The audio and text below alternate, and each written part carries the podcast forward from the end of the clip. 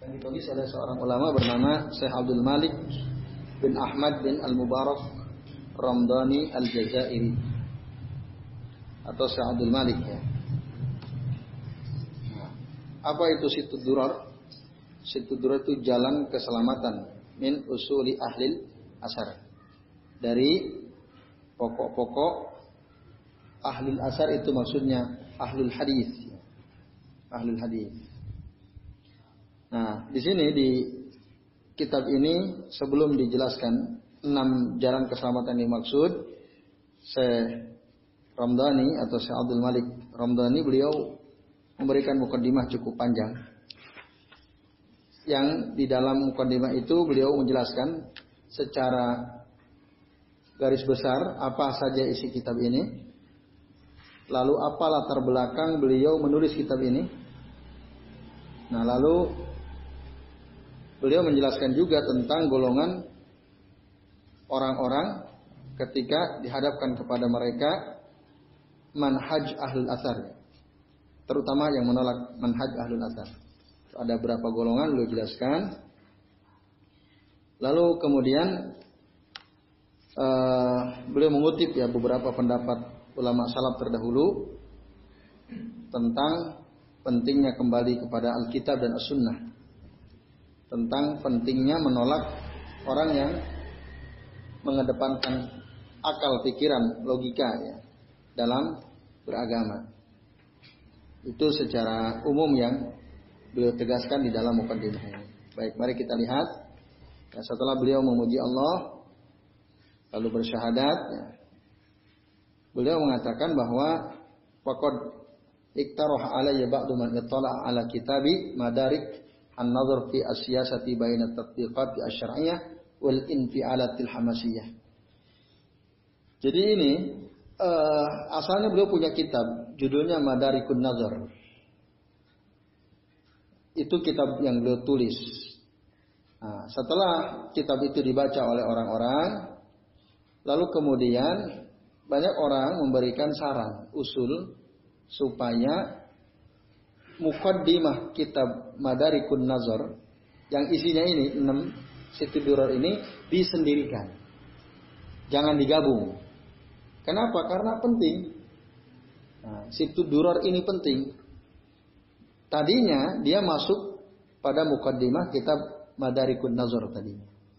Tapi orang-orang setelah membaca dan termasuk para ulama, wah ini harusnya disendirikan. Tapi kata dia, uh, setelah diusulkan itu, uh, agar disendirikan, agar orang paham apa itu manhaj salaf. Yang setiap orang harus tahu manhaj salaf. Kita sering dengar istilah manhaj. Ada manhaj, ada mazhab. Manhaj itu metode, cara. Mazhab itu jalan yang diikuti itu manhaj, eh, mazhab. Kalau manhaj itu cara atau metode ya. Nah, metode apa? Metode untuk menjalani hidup atau untuk memahami Al-Quran dan Sunnah. Nah, setelah diusulkan kata beliau, pemakas tu sanawat la afalu. Saya belum tergerak ya untuk mengikuti apa yang disarankan itu beberapa tahun. Saya berharap supaya mungkin ada orang yang lebih mampu daripada beliau ini. Saya Romdoni ini. Maka beliau tidak merealisasikan apa yang disarankan oleh orang-orang itu. Baru kemudian setelah bertahun-tahun beliau tidak melakukan saran yang disampaikan oleh teman-temannya dan oleh para masaya itu, usulan saran semakin kuat dan akhirnya tidak bisa ditolak lagi. Memang ini harus dikerjakan. Maka aku memohon pertolongan kepada Allah dan ditulislah, dikeluarkanlah oleh beliau dari kitab Madar, Madarikun Nazar, yaitu mukadimahnya menjadi kitab ini supaya semakin jelas ya. Nah, apa saja yang ada dalam kitab Situ Duror ini awalnya ya, awalnya itu ada enam disebutkan at wahidun. Jalan keselamatan itu hanya satu. Itu satu ya. Jalan ini apa yang dimaksud nanti kita akan bahas. Jalan untuk bisa selamat itu hanya ada satu jalan, tidak ada jalan lain. Nah, ini penting. Apa sih itu? Nanti kita akan bahas. Kalau kita ingin selamat di dunia di akhirat, jalannya cuma satu. Yang kedua, melalui jalan Alkitab dan Sunnah itulah nah, ini apa prinsip kedua yang penting adalah jalan Alkitab dan Sunnah berdasarkan pemahaman para salafus saleh ulama salafus saleh. Siapa ulama salafus saleh? Para sahabat para tabiin yang mengikuti para sahabat Nabi dengan benar. Lalu yang ketiga untuk mendapatkan kemuliaan tidak ada cara kecuali dengan ilmu. Nailu asudadu bil ilmi jadi kalau kita ingin hidup mulia, hidup terhormat, ya ilmulah satu-satunya yang harus dimiliki. Lalu prinsip keempat, untuk mendapatkan keamanan dari kekufuran dan kekalahan, tidak ada cara kecuali dengan mengikuti Alkitab dan Sunnah. Dan yang kelima, membantah orang-orang yang menyelisihi atau yang menyelisihi amar ma'ruf nahi mungkar menyelisih ya, membantah orang yang menyelisihi Al-Qur'an dan sunnah merupakan bagian daripada amar ma'ruf dan nahi mungkar. Jadi kalau ada orang contoh ya belum lama kan ada waktu acara 17 Agustus. Ada seorang tokoh di Pekalongan. Beliau seorang Habib waktu 7 Agustus ikut karnaval dengan istrinya. Istrinya nggak pakai jilbab kan? Pernah ya? Ada beritanya kan? Wah itu itu menyelisih Quran dan Sunnah atau tidak? Menyelisihi kan? Nah, ketika kita bantah itu, nah ini bagian daripada amar ma'ruf nahi munkar. Walaupun oleh pembelanya dikatakan ini karena dia levelnya udah bukan lagi bayani, tapi level apa katanya? Irfani apa burhani itu ya? Irfani sudah. Irfani itu menurut dia lebih tinggi daripada orang yang cara berpikirnya baru sampai selevel bayani. Jadi udah pernah dapat ini apa? Penjelasan bahwa cara berpikir seseorang itu ada tiga macam. Cara seseorang mengukur kebenaran ada tiga macam. Ada uh, cara bayani, ada yang menggunakan cara burhani, ada yang menggunakan uh, menggunakan cara irfani. Pernah dengar ini? Pernah dapat penjelasan? Apa itu bayani? Kan ada tiga golongan orang, tiga kelompok orang dalam menilai suatu kebenaran. Golongan pertama al-bayaniyun, yang kedua al-burhaniyun, yang ketiga al-irfaniyun. Apa itu bayani? Menurut penggagas teori ini, ya, saya lupa namanya, ini cukup dikenal sebenarnya. Jadi orang ketika dia menilai sesuatu benar atau tidak, itu ada tiga kategori. Kategori pertama adalah golongan mereka yang cara berpikirnya bayani. Ya. Bayan itu gimana? Mengukur benar atau tidak benar berdasarkan dalil. Ada dalilnya atau tidak? Ada penjelasan hukumnya atau tidak? Kalau nggak ada dalil, nggak ada penjelasan hukum, nah berarti tidak boleh. Kalau ada berarti boleh. Itu orang yang berpikir berdasarkan teks nas itu namanya al-bayaniyun. Bayani namanya. Cara metode bayani seperti itu. Nah, tapi ada orang yang mengukur kebenaran tidak berdasarkan teks. Tapi apa? Berdasarkan logika, nalar. Sesuatu dikatakan benar jika sesuai dengan akal. Masuk akal. Kalau tidak masuk akal, berarti nggak benar. Nah itu namanya al-burhaniyun. Burhani itu namanya.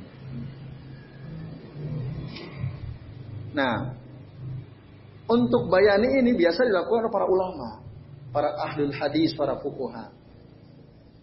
Untuk yang burhani ini Mereka adalah para pailusuf, para ahli filsafat, para ahli ilmu kalam. Burhani itu. Mereka itu, wah ini benar nggak? Terus masuk akal nggak nih? Ah nggak masuk akal nggak benar. Itu burhani. Nah, yang ketiga, kategori ketiga adalah orang yang mengukur kebenaran berdasarkan zauq perasaan. Benar apa enggak? Itu perasaan dia yang mengukur. Wah ini menurut perasaan nggak enak kayaknya. Ah, oh ini menurut perasaan enak nih. Berarti benar. Kalau menurut perasaan nggak enak, berarti nggak benar.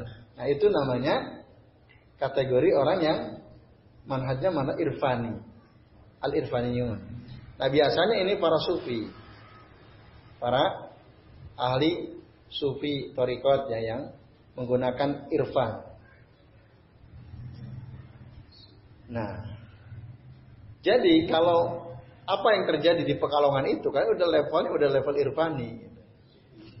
Menilai sesuatu benar atau salah itu tidak berdasarkan teks.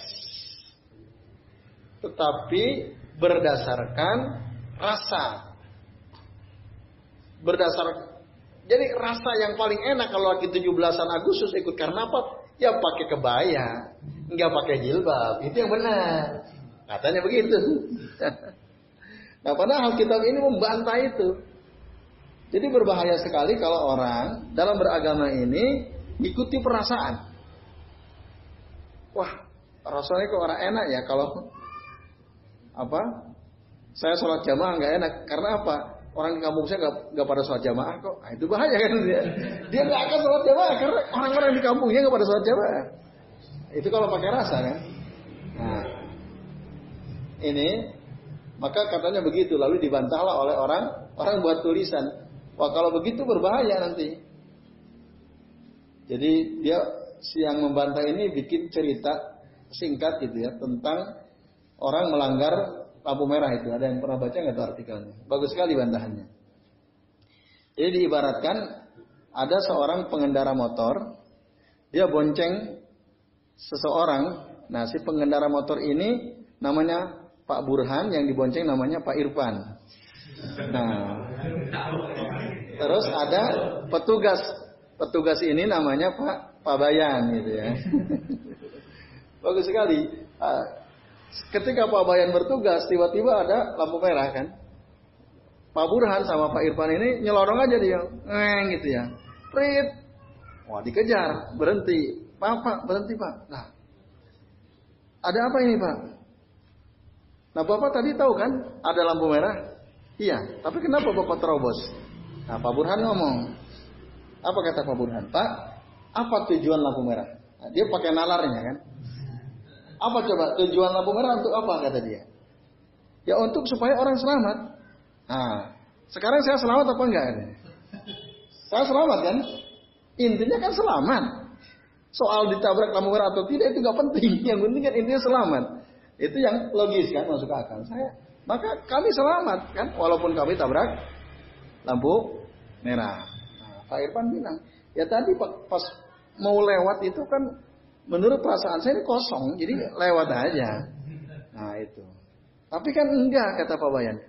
Aturannya kan ada, undang-undang ada kan kembalinya ke undang-undang kan bahwa ketika lampu merah nyala nggak boleh diterobos. Nah, tapi enggak tadi kan faktanya yang penting selamat. Intinya itu kan fungsinya. Nah kami kan selamat. Kecuali kalau kami kecelakaan boleh bapak tangkap kami. Kalau tidak kami selamat. Dan tidak mencelakakan orang lain. Oh kalau gitu berarti nggak usah pakai aturan ya. Oke lah nggak usah pakai aturan. Ini orang udah nggak memperdulikan aturan lagi. Akhirnya terjadilah banyak sekali kecelakaan setelah itu. Begitu juga Quran Sunnah. Quran Sunnah itu kan aturan. Ya kan? Ada seorang wanita suruh pakai jilbab. Nah itu aturannya. Jelas ya kan ayatnya sudah jelas. Hadisnya juga sudah jelas. Nah, orang-orang yang menggunakan akal ngapain coba pakai jilbab? Kan supaya tidak diperkosa gitu kan. Supaya aman. Lah kalau sudah aman tanpa pakai jilbab, ngapain pakai jilbab? Kalau sudah tidak diperkosa nggak pakai jilbab, ngapain pakai jilbab kan begitu? Intinya kan, nah itu orang-orang burhani begitu itu cara berpikirnya. Nah orang irfani tadi, jadi masyarakat enak enggak? Kalau pas kita pakai juga nggak enak karena orang-orang nggak pada pakai jilbab kok. Berarti kita ngikutin mereka. Orang-orang nggak pada masa orang-orang nggak pakai nggak pada pakai cadar kok sampean pakai cadar sendiri kan? Nah itu secara zauk, secara perasaan kan nggak enak. Maka nggak boleh dan nah, misalnya begitu.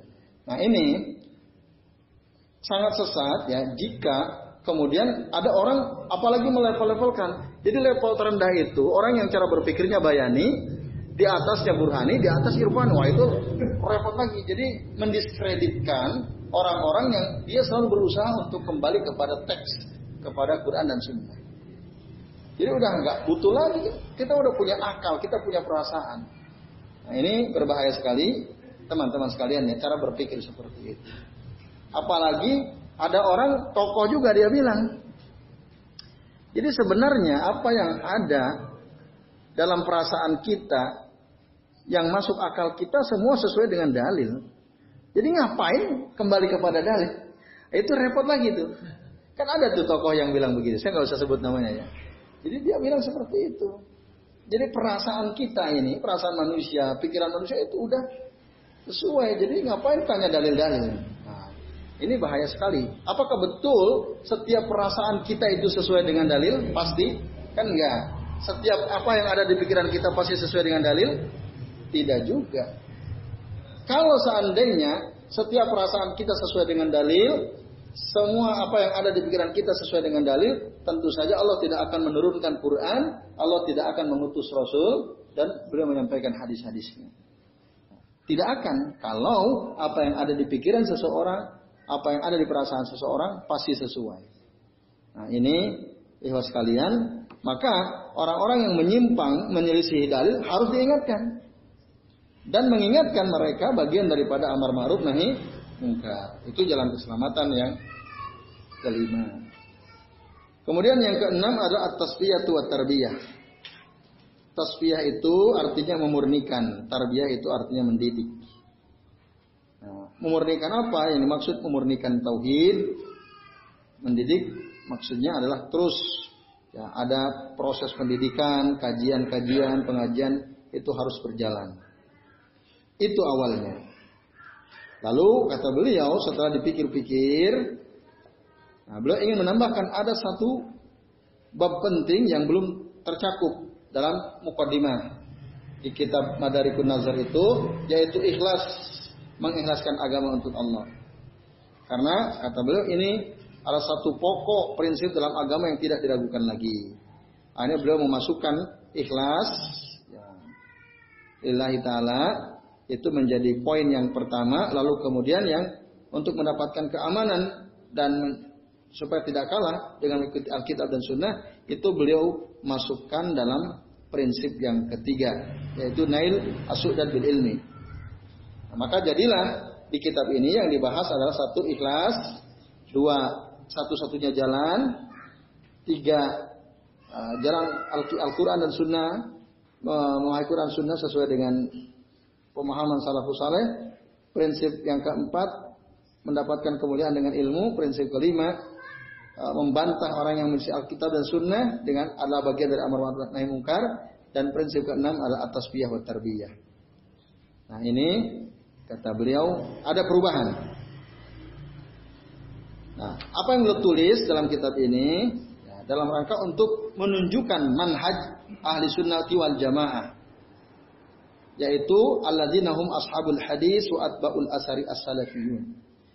Ahlussunnah wal Jamaah, nah ini di Indonesia ini menjadi rancu ya.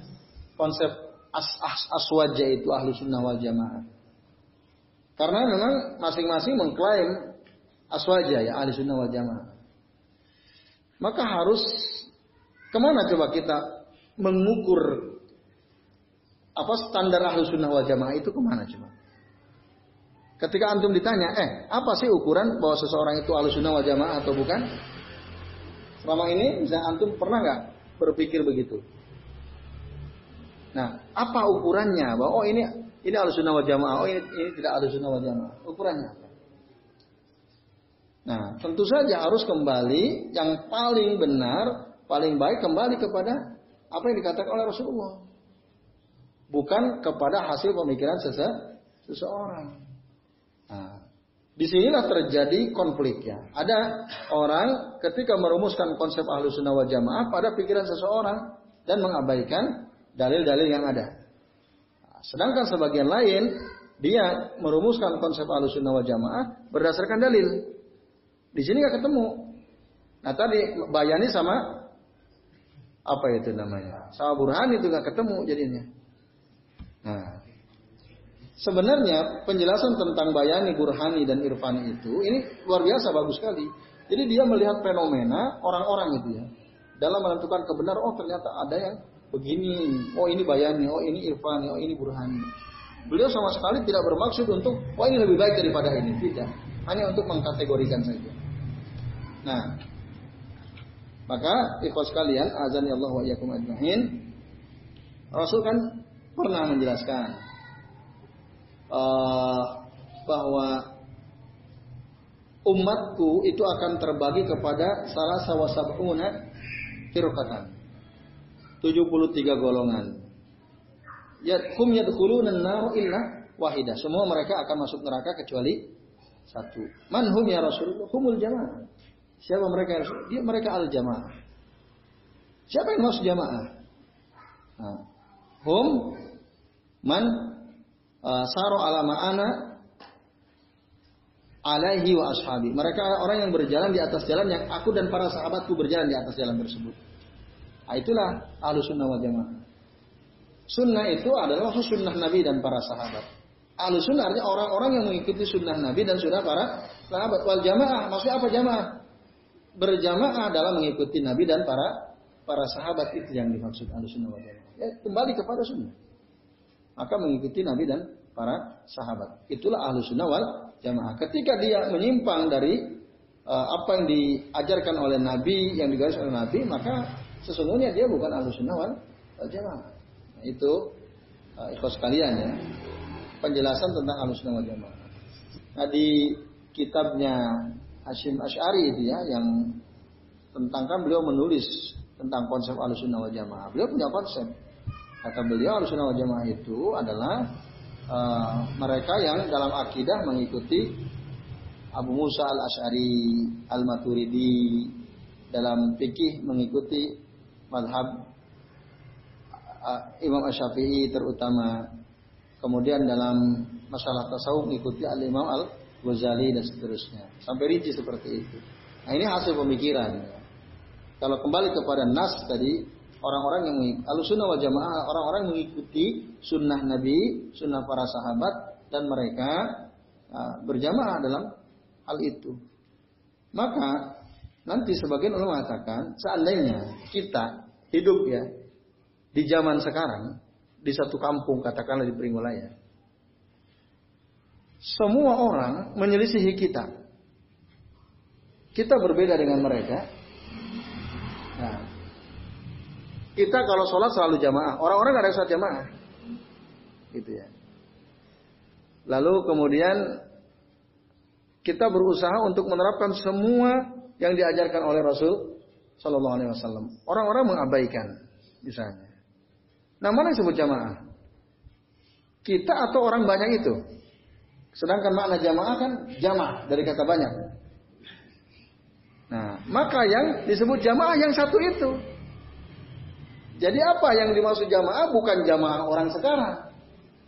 Bukan sekelompok orang yang hidup di zaman sekarang, tetapi jamaah yang dimaksud adalah mereka yang berjamaah dengan Rasul dan para sahabat dalam menjalani kehidupan. Itu maksudnya.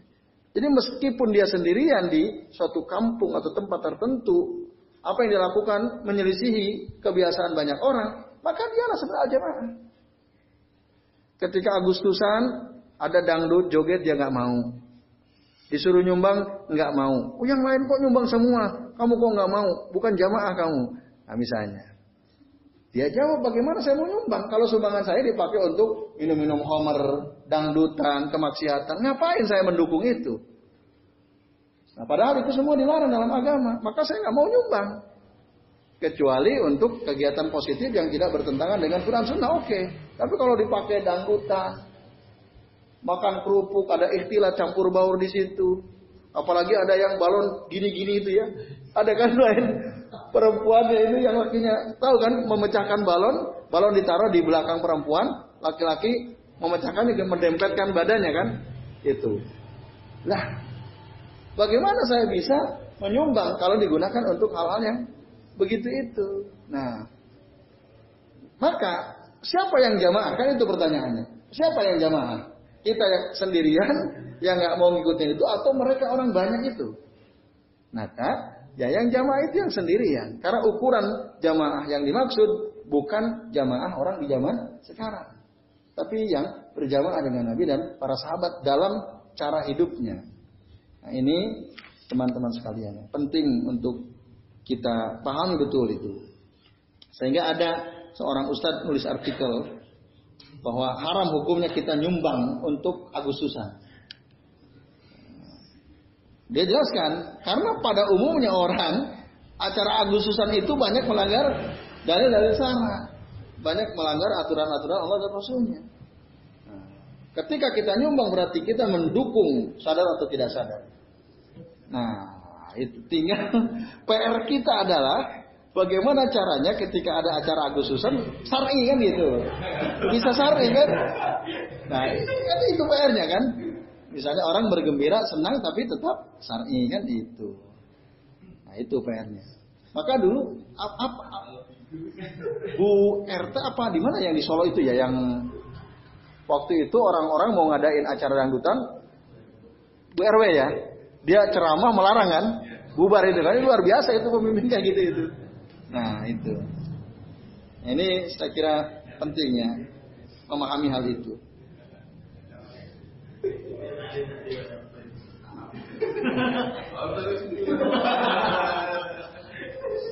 Nah, itu emang PR di mana-mana termasuk di kampung saya itu di Sampangan itu ya. Wah itu repot juga.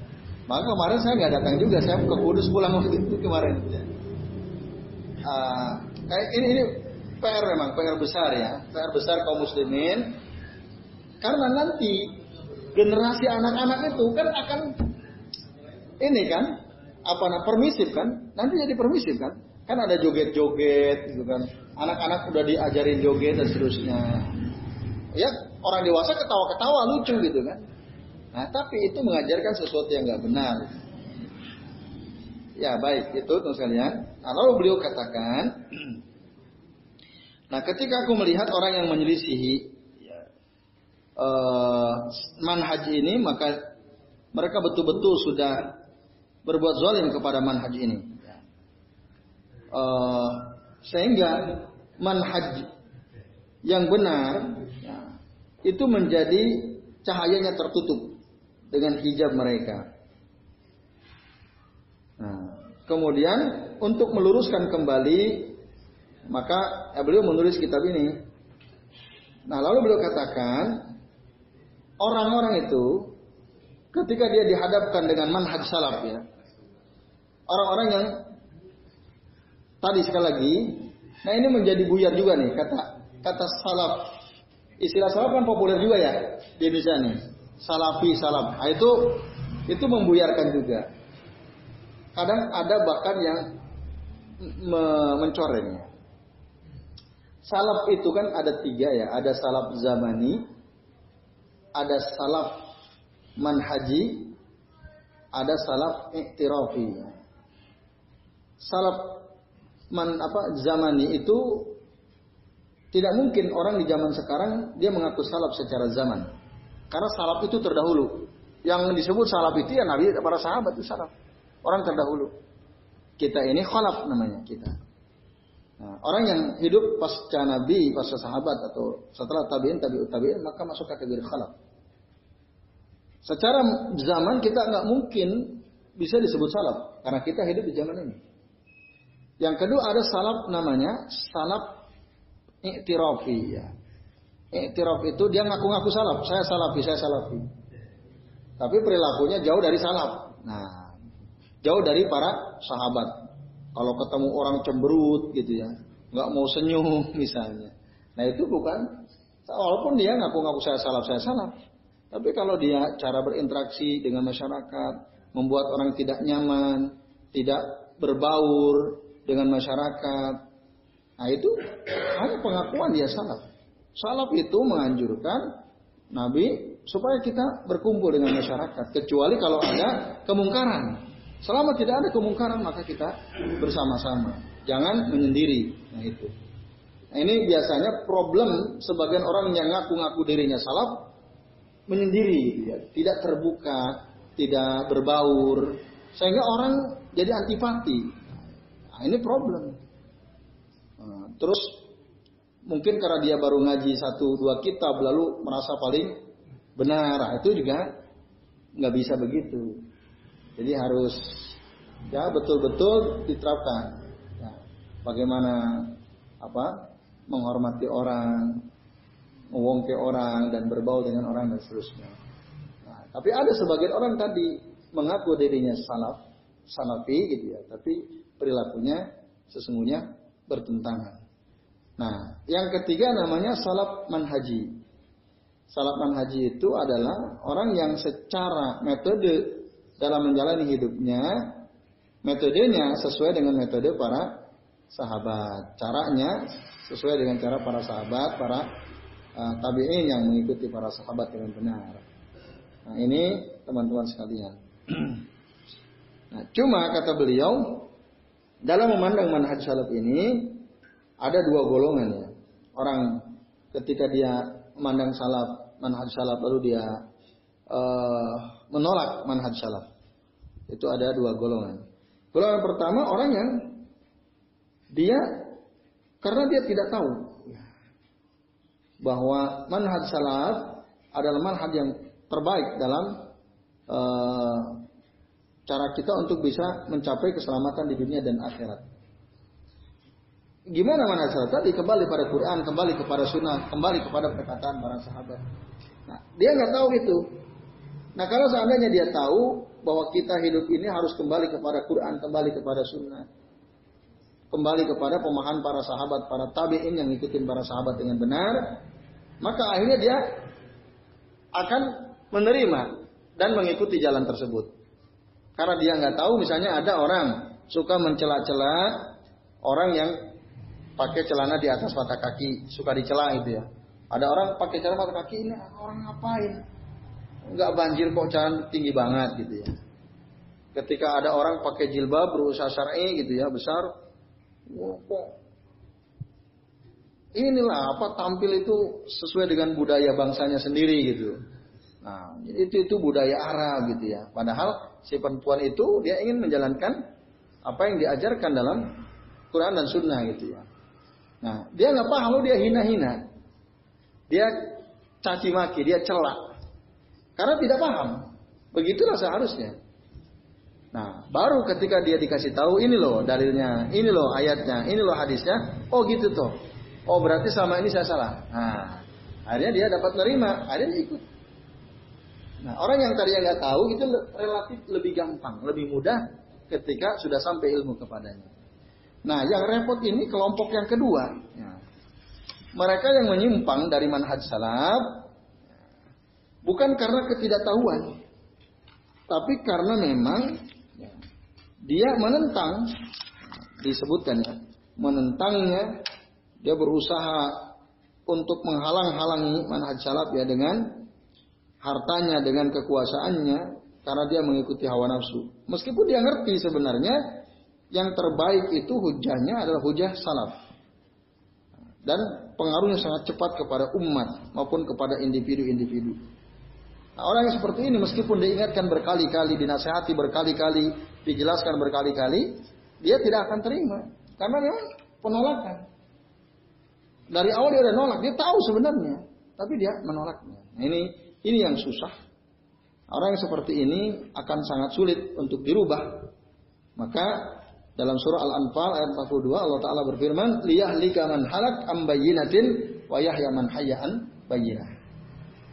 Biarlah nanti binasalah orang yang binasa dari kebenarannya dan sebagaimana nanti ada orang yang hidup dengan kebenaran itu. Jadi nanti di hadapan Quran dan Sunnah ada orang yang binasa.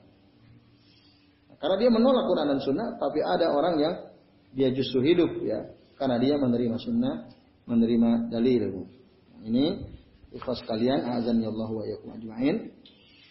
Penjelasan dari Syekh Ramdhani. Nah, kemudian di mukodimah ini, nah, saya baca secara uh, garis besarnya saja ya. Uh, dikatakan bahwa wa man dhanna annahu hina yu'radu an tasmiyatiha mutlaqan yufsanu san'an qad azra bi sani'il muhajirin wal ansar wa tabi'in wa tabi'in ala marid duhur wal ikhtilafil ansar. Jadi uh, barang siapa yang dikatakan kepada mereka bahwa orang-orang muhajirin, ya, orang-orang ansar, orang tabi'in ketika mengingatkan orang-orang yang menyimpang disebut ya namanya dengan jelas itu dianggap tidak benar ya. Tidak benar. Jadi yang benar itu ketika kita mau mendakwahi seseorang, meluruskan seseorang, jangan disebut namanya dengan tegas gitu ya. Nah, itulah yang baik. Lalu dikatakan, oh berarti ulama-ulama terdahulu kaum muhajirin, kaum ansor, tabi'in ya, ketika mereka melakukan jarah dan takdil, jarah itu mengkritik ya.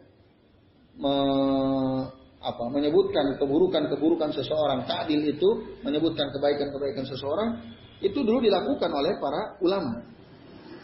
Dalam ilmu hadis itu kan ada istilahnya ilmu al-jarh wa ta'dil. Dan mereka nyebut si Fulan bin Fulan ini dia tukang memalsukan hadis. Si Fulan bin Fulan ini dia suka berbohong. Disebut namanya. Nah, dalam berdakwah harus begitu. Ketika ada orang yang nggak benar, walaupun tadi saya menyebut tadi tidak menyebut nama ya. Nah, karena itu mungkin kenapa tidak sebut nama untuk antisipasi ketika disebut nama akan menimbulkan madarat kan begitu. Nah, maka tidaklah disebut nama. Tapi sebenarnya ah itu suka ngamu. Penting disebut nama untuk apa? Memperingati orang-orang bahwa ini kebatilan. Bahwa orang ini batil. Di atas kebesarannya ada kebatilan dalam dirinya misalnya. Itu penting. Dulu para ulama begitu. Ada orang yang mungkin dimuliakan sekali oleh uh, pendukungnya, tapi dia melakukan suatu tindakan yang menyimpang dari Quran Sunnah, dia ingatkan, oh jangan, ini jangan. Maka nanti ada hadis mungkar, ada hadis kadzab, ada hadis yang disebutnya orang ini dajjal, dajjal itu kadzab, tukang bohong dan seterusnya. Maka muncul nanti ada hadis dhaif, ada hadis mungkar, ada hadis maudhu dan seterusnya. Itu adalah berdasarkan penegasan dari para ulama terdahulu tentang uh, peringatan mereka terhadap orang-orang yang membahayakan. Ya sekalian, azan ya Allah wa iyyakum ajmain. Uh, lalu di sini dikatakan juga dari Abdul Bar ya bahwa ajma'a ahlul fiqh wal asari min jami'il ansari ana ahlul kalam wa ahlul bid'ah waz zaid la yu'aduna indal jami' fi jami'il ansar fi tabaqatil ulama. Nah, Ibnu Abdul Bar mengatakan para ahli fikih dan ahlul hadis bersepakat di seluruh negeri bahwa ahlul kalam dan ahlul bid'ah. Ahli bid'ah dan zayyah. Zayyah itu yang menyimpang. Mereka ini ya, tidak disebut sebagai ulama. Yang disebut ulama itu siapa? Wa innamal ulama'u ahlul asari wa tafaquhu fi. Seseorang disebut ulama, nah ini konsep ulama mulai digugat juga nih sekarang. Sampai-sampai Gunawan Muhammad menulis artikel tentang ulama. Siapa sih ulama itu? Di dalam Facebooknya itu. Ketika Ustaz Abdul Somad muncul itu kan orang menjadi membincangkan siapa sih yang mengulamakan dia ulama itu apa dan seterusnya itu kan kalau dibaca nah, sehingga orang ini siapa yang berhak memberi gelar ulama dan seterusnya menggugat termasuk Gunawan Muhammad kan menggugat siapa sih ulama itu sebenarnya nah, maka jelas sekali di dalam kitab ini ya, Ibn Abdul Bar mengatakan Wa innamal ulama'u ahlul asari wa tafakkuh. Sesungguhnya yang namanya ulama itu ahli hadis. yang banyak hafal hadis kembali kepada hadis dan paham hadis-hadis tersebut itulah ulama. Nah, jadi kembali kepada hadis, tidak menjauhi hadis, itulah ulama. Atau dalam Al-Qur'an jelas ya, innama yahsallaha min ibadihil ulama. Sesungguhnya yang takut kepada Allah itulah ulama. Nah, dan mereka memang berbeda-beda ya dalam uh, ke apa ya fil itqan wal maj wal paham dalam kepahamannya, kelebihannya. Itu memang berbeda-beda satu sama lain. Ada tingkatan-tingkatan ulama itu. Tapi intinya di sini ingin ditegaskan bahwa para ahlul kalam, ahlul kalam itu ya filosof lah, yang ahli filsafat itu tidak masuk dalam kategori ulama. Ya. Termasuk budayawan itu nggak masuk ulama itu aslinya. Sastrawan, budayawan gitu kan. Nah, itu itu aslinya bukan ulama gitu ya. Nah, ini tapi ya di kita jadi bercampur-campur ya. Nah, terus Imam Malik rahimahullah mengatakan kalau kana al-kalamu ilman tatakallama fihi as-sahabatu wat tabi'una kama takallamu bil ahkami was syara'i lakinnahu batilun yadullu ala batilin. Seandainya ahli kalam itu adalah suatu ilmu, maka niscaya para sahabat akan menggandrungi itu. Begitu ke para tabi'in. Sebagaimana mereka menggandrungi berbicara tentang hukum dan syariat. Tetapi ini adalah suatu kebatilan dan menunjukkan kebatilan. Para filosof, para ahli kalam itu bukanlah ulama. Intinya itu yang ini katakan.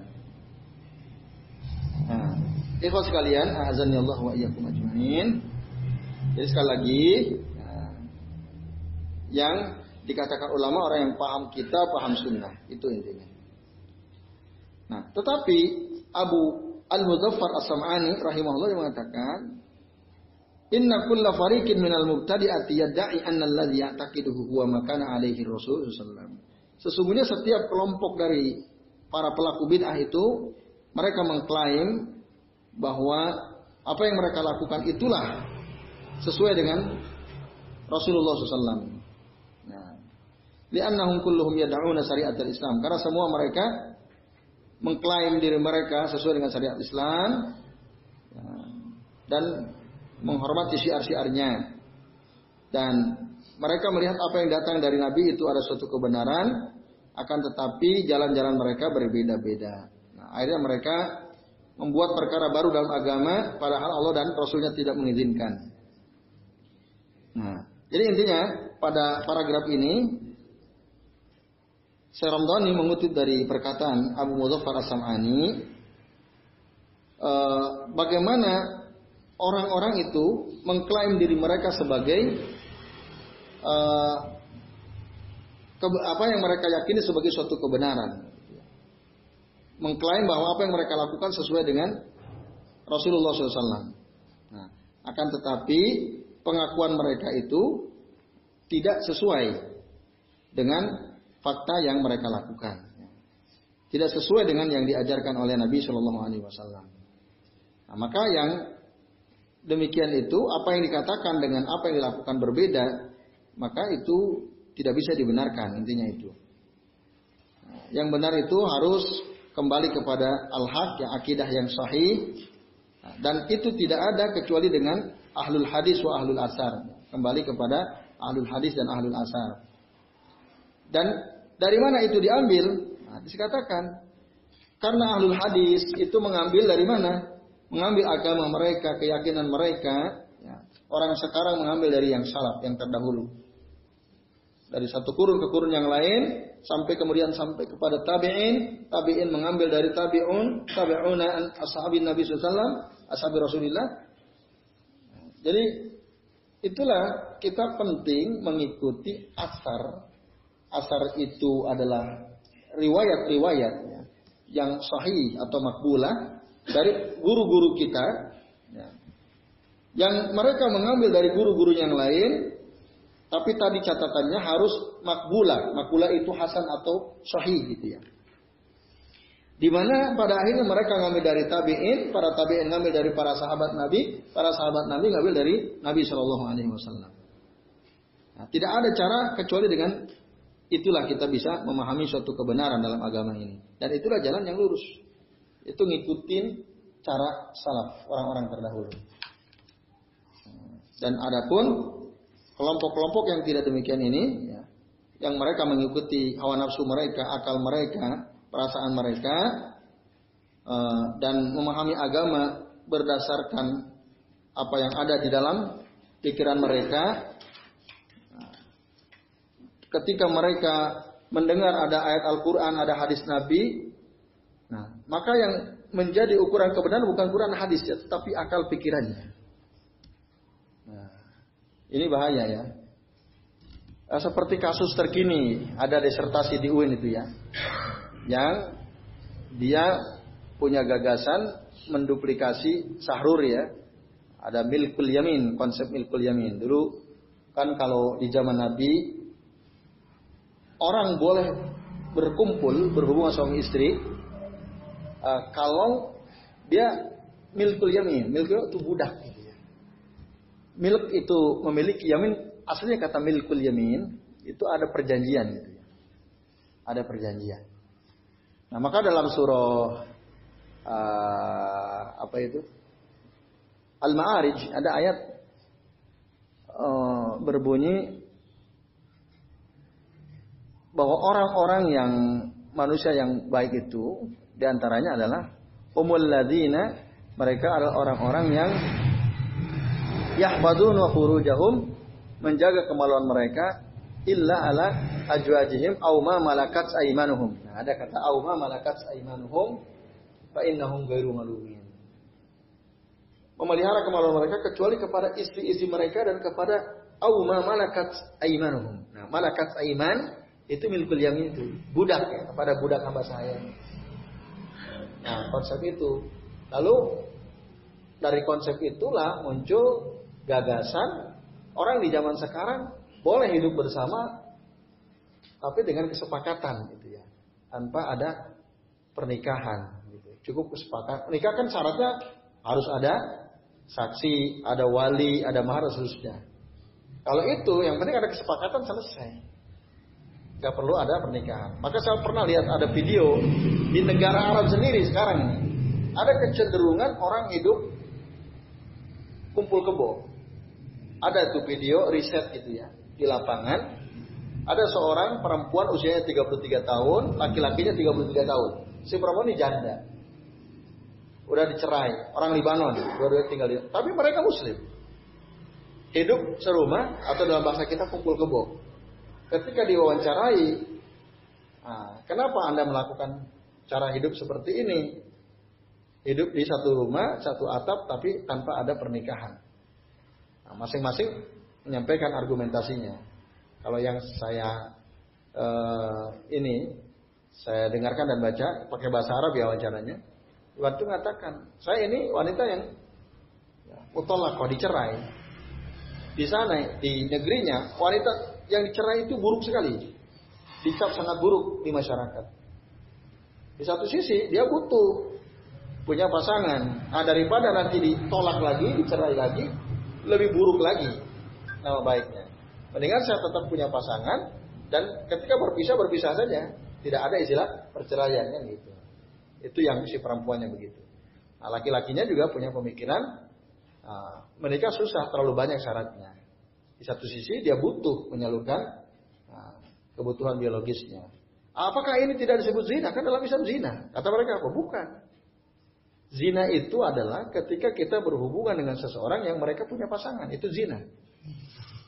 Kalau sama-sama nggak punya pasangan bukan berzina. Sama-sama suka. Oh, itu kan ngeri kan? Itu di negeri Arab sendiri. Itu udah pemikiran seperti itu udah muncul. Nah itu kan di share videonya, itu hasil riset wawancara. Gak tahu itu orangnya paham gak dia di videokan gitu ya.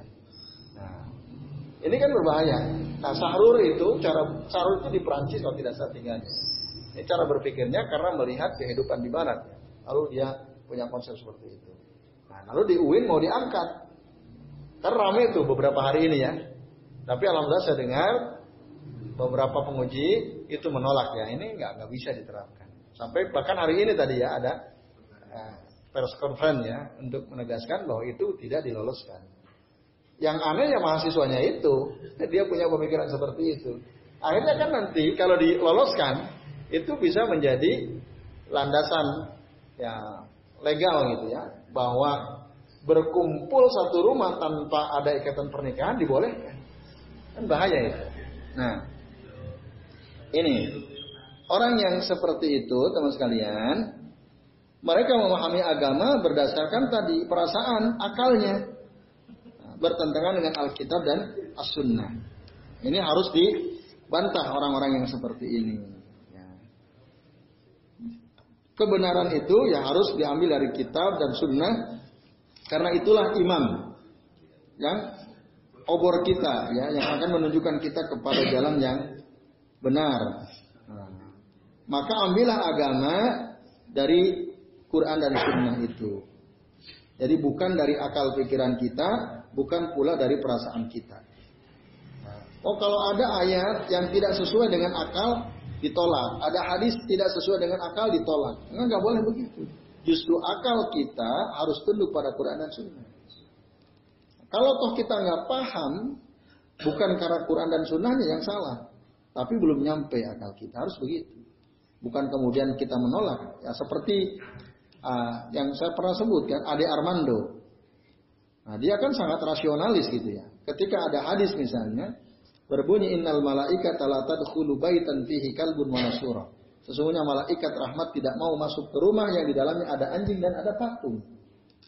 Wow, ini ngaco, ini nggak masuk akal. Masa malaikat takut sama anjing, takut sama patung? Nah, ini nggak benar, harus ditolak. Gitu kan? Dalam salah satu ceramahnya dia kan begitu itu si Adi Armando. Oh ditulis di juga oleh orang banyak-banyak. Nah ini Ya termasuk apa? Ya haji itu ya kurban itu ya. Ini pembantaian kurban yang kemarin kan ramai juga itu. Walaupun saya nggak tahu ngomongnya kapan dia. Tapi yang jelas orang banyak nge-share gitu. Ada beberapa tokoh yang mengatakan sadis betul orang-orang Islam itu. Membantai hewan di Idul Adha itu kan berapa dibantai jadi nanti kurban nggak usah pakai Pembantai pakai uang aja, dibagiin uangnya. Kan ngaco itu kan. Sangat rasionalis kan. Nah dia makan daging sapi, daging ayam tiap hari di rumahnya, itu diapain. Orang nggak mikir orang seperti itu. Jadi sok pinter tapi bodohnya luar biasa. Orang begitu itu jahil murokam namanya. Bertingkat-tingkat apa kejahilannya. Nah itu teman-teman sekalian. Jadi yang dikatakan oleh Syekh ya, Abdul Malik Ramdhani betapa penting kita mengikuti intinya mengikuti manhaj salaf yang kembali kepada Alkitab dan As-Sunnah. Itu, itulah cara selamat yang terbaik ya dalam menjalani hidup. Nah, nanti akan dirinci ada tadi ada enam jalan para ulama salaf ya untuk mencapai keselamatan hidup di dunia dan di akhirat.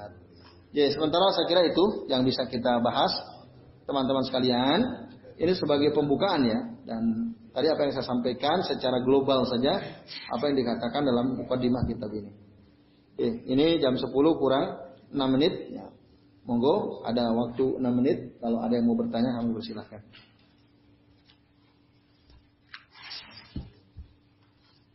Jelas ya?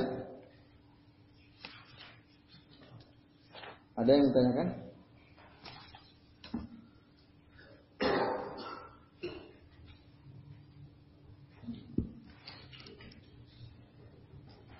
Ya. Dari dulu awal penulisan uh, Abdul Malik Ramdhani. Itu hmm. dari zaman beliau itu sudah seperti itu keadaan Islam.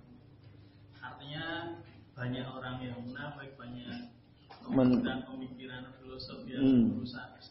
Ya. Itu dari dulu. Iya. Sejak beliau ini termasuk ulama muasir. Ulama muasir itu ulama kontemporer nih, Abdul Malik Ramdhani ini. Beliau coba untuk melihat tuh, kalau di kitab aslinya, ya, beliau menulis mukaddimah untuk kitab situ doror ini, ya, diterbitkan pertama kali tahun 1419. Sekarang 1440. Berarti berapa tahun yang lalu? 19 ke 40. 20 21 ya, 21 tahun yang lalu. 21 tahun yang lalu. Itu banyak. Buk, bahkan jauh sebelum ini, zaman Ibnu Taimiyah tahun 600-an Hijriah, itu banyak ahlul kalam kan berkembang sejak zaman Ibnu Taimiyah itu berkembang banyak sekali. Itu.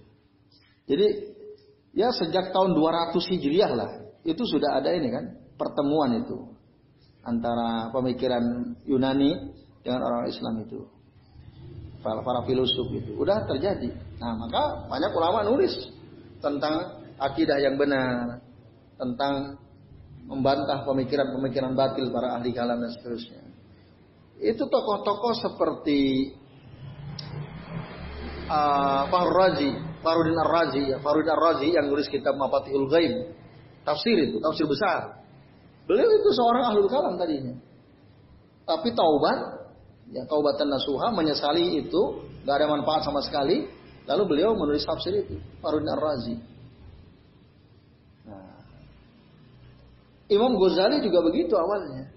Lalu kemudian beliau sadar lalu kemudian nulis kitab itu Ihya Ulum Ulumuddin itu ya ada tokoh Ibnu Rush ya Ibnu Rush itu termasuk juga di samping ahlul fikih beliau juga ahlul kalam ya punya pengaruh ahlul kalam tapi nggak tahu apakah sempat bertawat atau tidak. Tapi yang jelas uh, beliau sempat mengkritik bukunya Imam Ghazali kan. Imam Ghazali menulis kitab apa? Tahafutul Falasifah. Lalu Ibn Rus menulis Tahafutut Tahafut ya. Itu bantahan terhadap Imam Al-Ghazali. Artinya dia masih cenderung kepada kalam ya. Ibn Rus. Walaupun kalau saya punya kitab beliau, judulnya Bidayatul Mujtahid. Nah, itu luar biasa. Itu dalil semua isinya. Dalil kenapa ulama berbeda tentang hal ini. Karena dia memahami dalilnya ini, ini dalilnya ini. Itu kan masalah fikih. Tapi ya luar biasa pembahasannya. Itu disebut fikih mukoranatul mazahib ya. Perbandingan para mazhab. Dalam satu perkara kok berbeda. Oh karena dalilnya ini, yang ini dalilnya ini. Oh ada yang dalilnya sama, tapi menggunakan perspektif yang berbeda, maka hasilnya juga berbeda. Sampai beliau menjelaskan sebab terjadinya ikhtilaf itu apa. Nah, itu luar biasa. Nah, itulah kitab yang saya pelajari pertama kali waktu saya di Gontor itu membuka wawasan bagi saya. Oh, ternyata kita penting membaca penjelasan para ulama yang berbeda dengan dalil-dalil masing-masing. Nah, dari situ kita bisa membedakan mana yang dalilnya kuat dan mana yang tidak dan mana yang hanya menggunakan logika tidak pakai dalil. Maka yang kita ikuti tentu saja yang ada dalilnya. Nah, itu dalam kitab Bidayatul Mujtahid itu uh, sangat penting ya saya mendapatkan banyak informasi penting di bukunya Ibnu Rushd. Meskipun tadi belum menulis kitab Tahafut Tahafut. Itu dia beberapa tokoh. Jadi tadi yang Mas Ista tanyakan itu sudah berlangsung lama ahli kalam itu, para filosof itu dari dulu sudah muncul mereka. Nah, tapi lagi-lagi yang betul-betul dikatakan ulama berdasarkan apa yang dikatakan Syekh Abdul Malik Ramdhani, ya orang kembali kepada Quran dan Sunnah. Perbedaan dalam memahami Allah itu istiwa di atas arasnya. Ada nggak ulama yang menolak itu? Allah Allah ada di atas. Ada itu karena pengaruh logika. Kan nggak masuk akal. Masa Allah punya tempat? Kalau Allah butuh tempat berarti Allah sama seperti kita, gitu kan? Nah itu produk sebenarnya, produk eh, orang-orang uh, yang dipengaruhi oleh akal itu. Nggak masuk akal, nggak masuk akal. Nah Allah itu ya ada di mana-mana. Masa Allah sama sama kita? Padahal kan Allah sendiri yang bilang Allahul ladzi khalaqas samawati wal ardu wa ma bainahuma fi sittati ayamin summa stawa 'alal arsy. Allah istiwa di atas arsy. Ketika Rasul tanya seorang hamba saya dari Utsman bin Muawiyah, "Aina Allah?" Allahu fis sama. Allah fis sama. Allah di atas. Nah, itu dalil kan? Lalu kenapa kita menolak ketika kita katakan bahwa Allah ada di atas? Bahkan Allah sendiri mengatakan, Allah itu Al-Aliyul Kabir. Allah itu maha tinggi dan maha besar. Al-aliyyu fi sifatihi wa zatihi. Tinggi sifat-sifatnya dan tinggi zatnya di atas. Nah, tapi orang-orang yang sudah terpengaruh oh, pemikiran ahlul kalam dan filsuf ya, mereka menolak itu. Enggak, enggak begitu. Dan ustad-ustad yang mengikuti jalur itu kan banyak juga.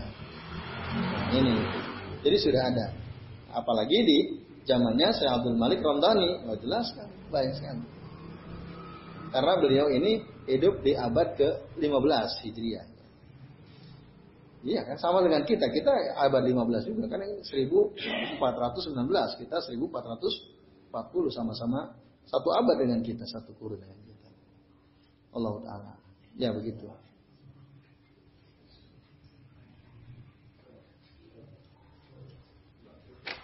Baik, itu ya teman sekalian. Nah, sementara ini uh, yang kita bisa pelajari dari kitab Situ Duror mukadimahnya insya Allah nanti kita lebih rinci masuk kepada prinsip-prinsip uh, 1 sampai 6. Baik, saya kira cukup. Saya mohon maaf apabila yang kami sampaikan ada kesalahan atau keliruan.